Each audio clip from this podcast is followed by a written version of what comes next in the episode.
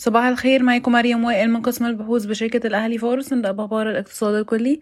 قال وزير السياحة أنه زار ما يقرب من مليون ونصف سائح مصر في أكتوبر بزيادة 8% على أساس سنوي بينما ارتفع عدد الوافدين في أول ثلاث أسابيع من نوفمبر بنسبة 5 إلى 10% على الرغم من الحرب في غزة. أصدر الرئيس عبد الفتاح السيسي قرارا بإعادة تعيين حسن عبد الله محافظا للبنك المركزي وذلك في إطار تغيير أوسع لمجلس الإدارة.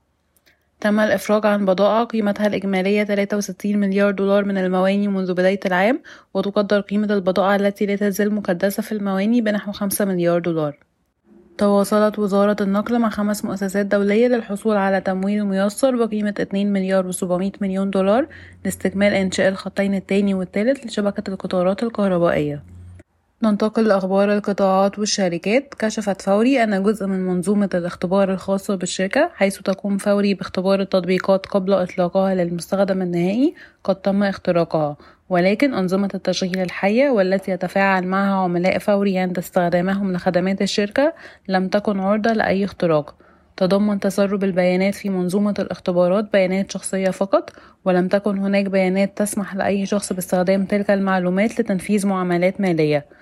قد تتضمن البيانات الشخصية أسماء بعض العملاء وعناوينهم وعناوين بريدهم الإلكتروني وأكدت الشركة عدم تسريب أي بيانات مالية لعملائها وأن الجزء الذي تعرض للاختراق كان بيانات شخصية فقط. أعلنت شركة كليوباترا عن نتائج أعمال الربع الثالث من عام 2023 صافي الربح 132 مليون جنيه وده ارتفاع 60% على أساس سنوي و37% تقريبا على أساس ربع سنوي. صافي الربح في أول تسع شهور من عام 2023 وصل 311 مليون جنيه وده ارتفاع 26% تقريبا على أساس سنوي.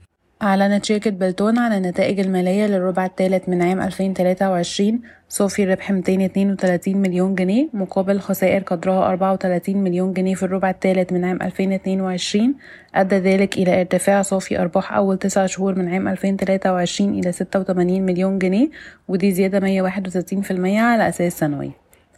دخلت شركة رايا لتكنولوجيا المعلومات إحدى الشركات التابعة لشركة رايا القابضة في مرحلة المفاوضات للاستحواذ على شركة محلية تعمل في مجال تطوير التطبيقات بحسب ما نقلته الصحف المحلية.